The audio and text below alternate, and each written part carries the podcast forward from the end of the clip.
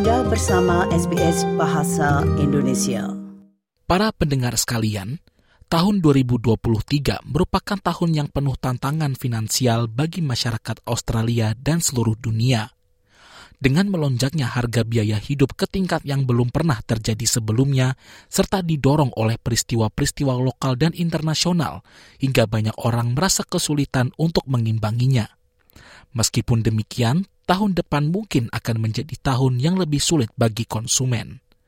Berikut ini adalah laporan selengkapnya yang disusun oleh Ricardo Gonçalves dan Alex Anifantis untuk SBS News.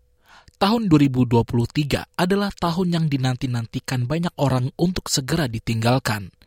Hal ini membawa banyak perubahan dalam hidup mereka dan tidak semuanya menjadi lebih baik pasar keuangan Australia dan global terkena dampak inflasi yang meroket yang dipicu oleh peristiwa seperti invasi Rusia ke Ukraina dan perang antara Israel dan Hamas. George Kellon, profesor pengajar di Stephen Institute of Technology di Hoboken, Amerika Serikat, mengatakan inflasi dapat menjadi pengalih perhatian dari isu-isu penting yang dapat mempengaruhi jalannya dunia. This uh, concern with inflation is a, is a, a, mask for a much broader set of concerns that really spill outside of the economy into the political realm, into the public uh, debates going on over whether the war is, is uh, how we should respond to the war in the Middle East, how we should respond to the war in Ukraine, how we should uh, handle the China situation and the political divisions in the country, and a very strange presidential election that seems to be looming. Berfokus pada pasar Australia, ada sejumlah insiden yang berdampak dalam 12 bulan terakhir. Kyle Roda adalah analis pasar keuangan senior untuk Capital.com.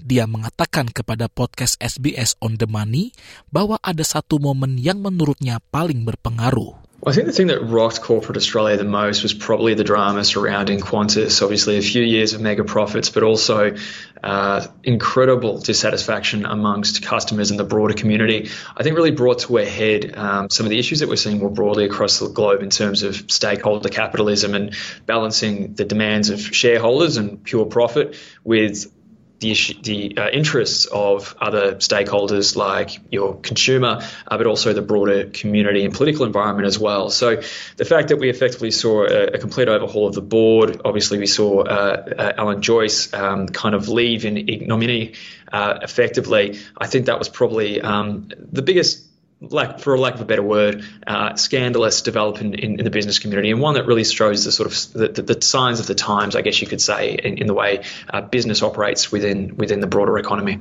Namun CEO Qantas bukanlah satu-satunya pemimpin di dunia keuangan Australia yang mengundurkan diri dari perannya pada tahun 2023. Philip Lowe juga mengumumkan pengunduran dirinya sebagai Kepala Reserve Bank of Australia menyusul serangkaian kenaikan tingkat inflasi yang saat ini berada di angka 5,4 persen. CEO Otus, Kelly Bayer Rosmarin, juga mengundurkan diri setelah pemadaman besar-besaran pada jaringan perusahaan pada awal November yang menyebabkan jutaan pelanggannya tidak dapat mengakses layanannya selama beberapa jam. Roda mengatakan Perubahan pada tingkat kepemimpinan ini menunjukkan bahwa masyarakat semakin tidak toleran terhadap kesalahan. I think it's just incredible scrutiny, especially with, you know, sounds a little bit cliche, but it, I think it is the truth. 24-hour news cycle, um, you know, the echo chambers that can be created with social media, a very unsympathetic uh, community when it comes to uh, corporate issues, corporate mistakes, uh, a greater accountability for boards at a leadership level. And again, I think it's a, a theme that we've seen uh, over overseas and becoming more prevalent here too is a move away from sort of old fashioned uh, Welchian shareholder uh, capitalism to one that's concerning, uh, that, that's focusing much more on sort of stakeholder issues, stakeholder capitalism, which doesn't just look at profits, but also looks at a business's social mandate, their role in uh, economic and social utility, um, and all sort of other issues, political, uh, environmental, and otherwise, which uh, businesses and boards uh, are having to take um, greater uh, consideration of, uh, but also have greater scrutiny around too, just because of you know the nature of, of, of media and, and, and, information technology. So it, it, means that business leaders are now on a, on a real tightrope. Um, governance is more important than ever. Tahun 2023 dianggap oleh banyak orang sebagai masa transisi bagi dunia yang masih berusaha untuk bangkit kembali pasca pandemi COVID-19 perusahaan-perusahaan berusaha menyesuaikan diri dengan kondisi kerja baru bagi karyawan mereka, dan beberapa perusahaan menjatuhkan sanksi kepada mereka yang bersikeras bekerja dari rumah. Banyak orang yang kehilangan pekerjaan akibat COVID telah kembali bekerja. Dr. Callon dari Stephens Institute mengatakan tren ini akan terus berlanjut. The pandemic took several million people out of the labor force, evidently, who just said, "The heck with it! I'm, you know, I'm, I'm old enough, or I have enough money, I can sit it out for a while." And there, and so there was the great, what do they call it, the great retirement. Um, but you know, a lot of those people are probably going to now trickle back into the workforce, and that will renormalize as well. So I, I think the labor market is looking like it's finally renormalizing after uh, a. Re- you know, an amazing, an amazingly deep shock that uh, hit it in 2020 and 2021. Bulan-bulan terakhir tahun 2023 telah meninggalkan secerca harapan bagi warga Australia yang sangat terdampak oleh meningkatnya biaya hidup. Dengan laju inflasi yang turun lebih cepat dari perkiraan dan suku bunga yang tetap relatif solid, terdapat optimisme bahwa harga biaya hidup akan segera kembali ke tingkat yang lebih wajar di tahun yang baru.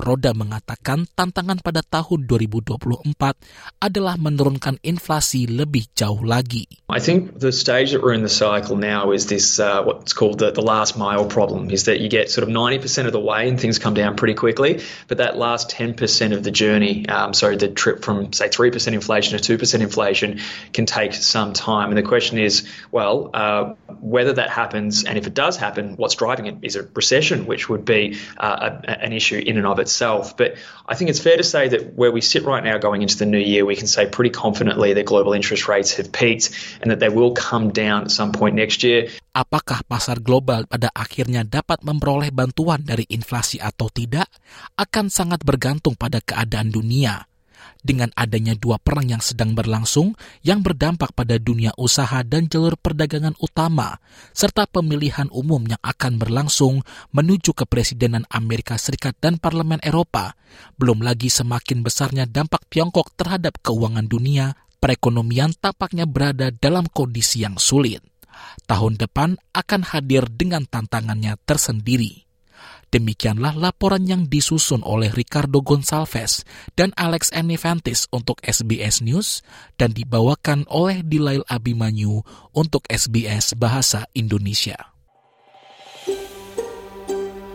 Sukai, berbagi, komentar.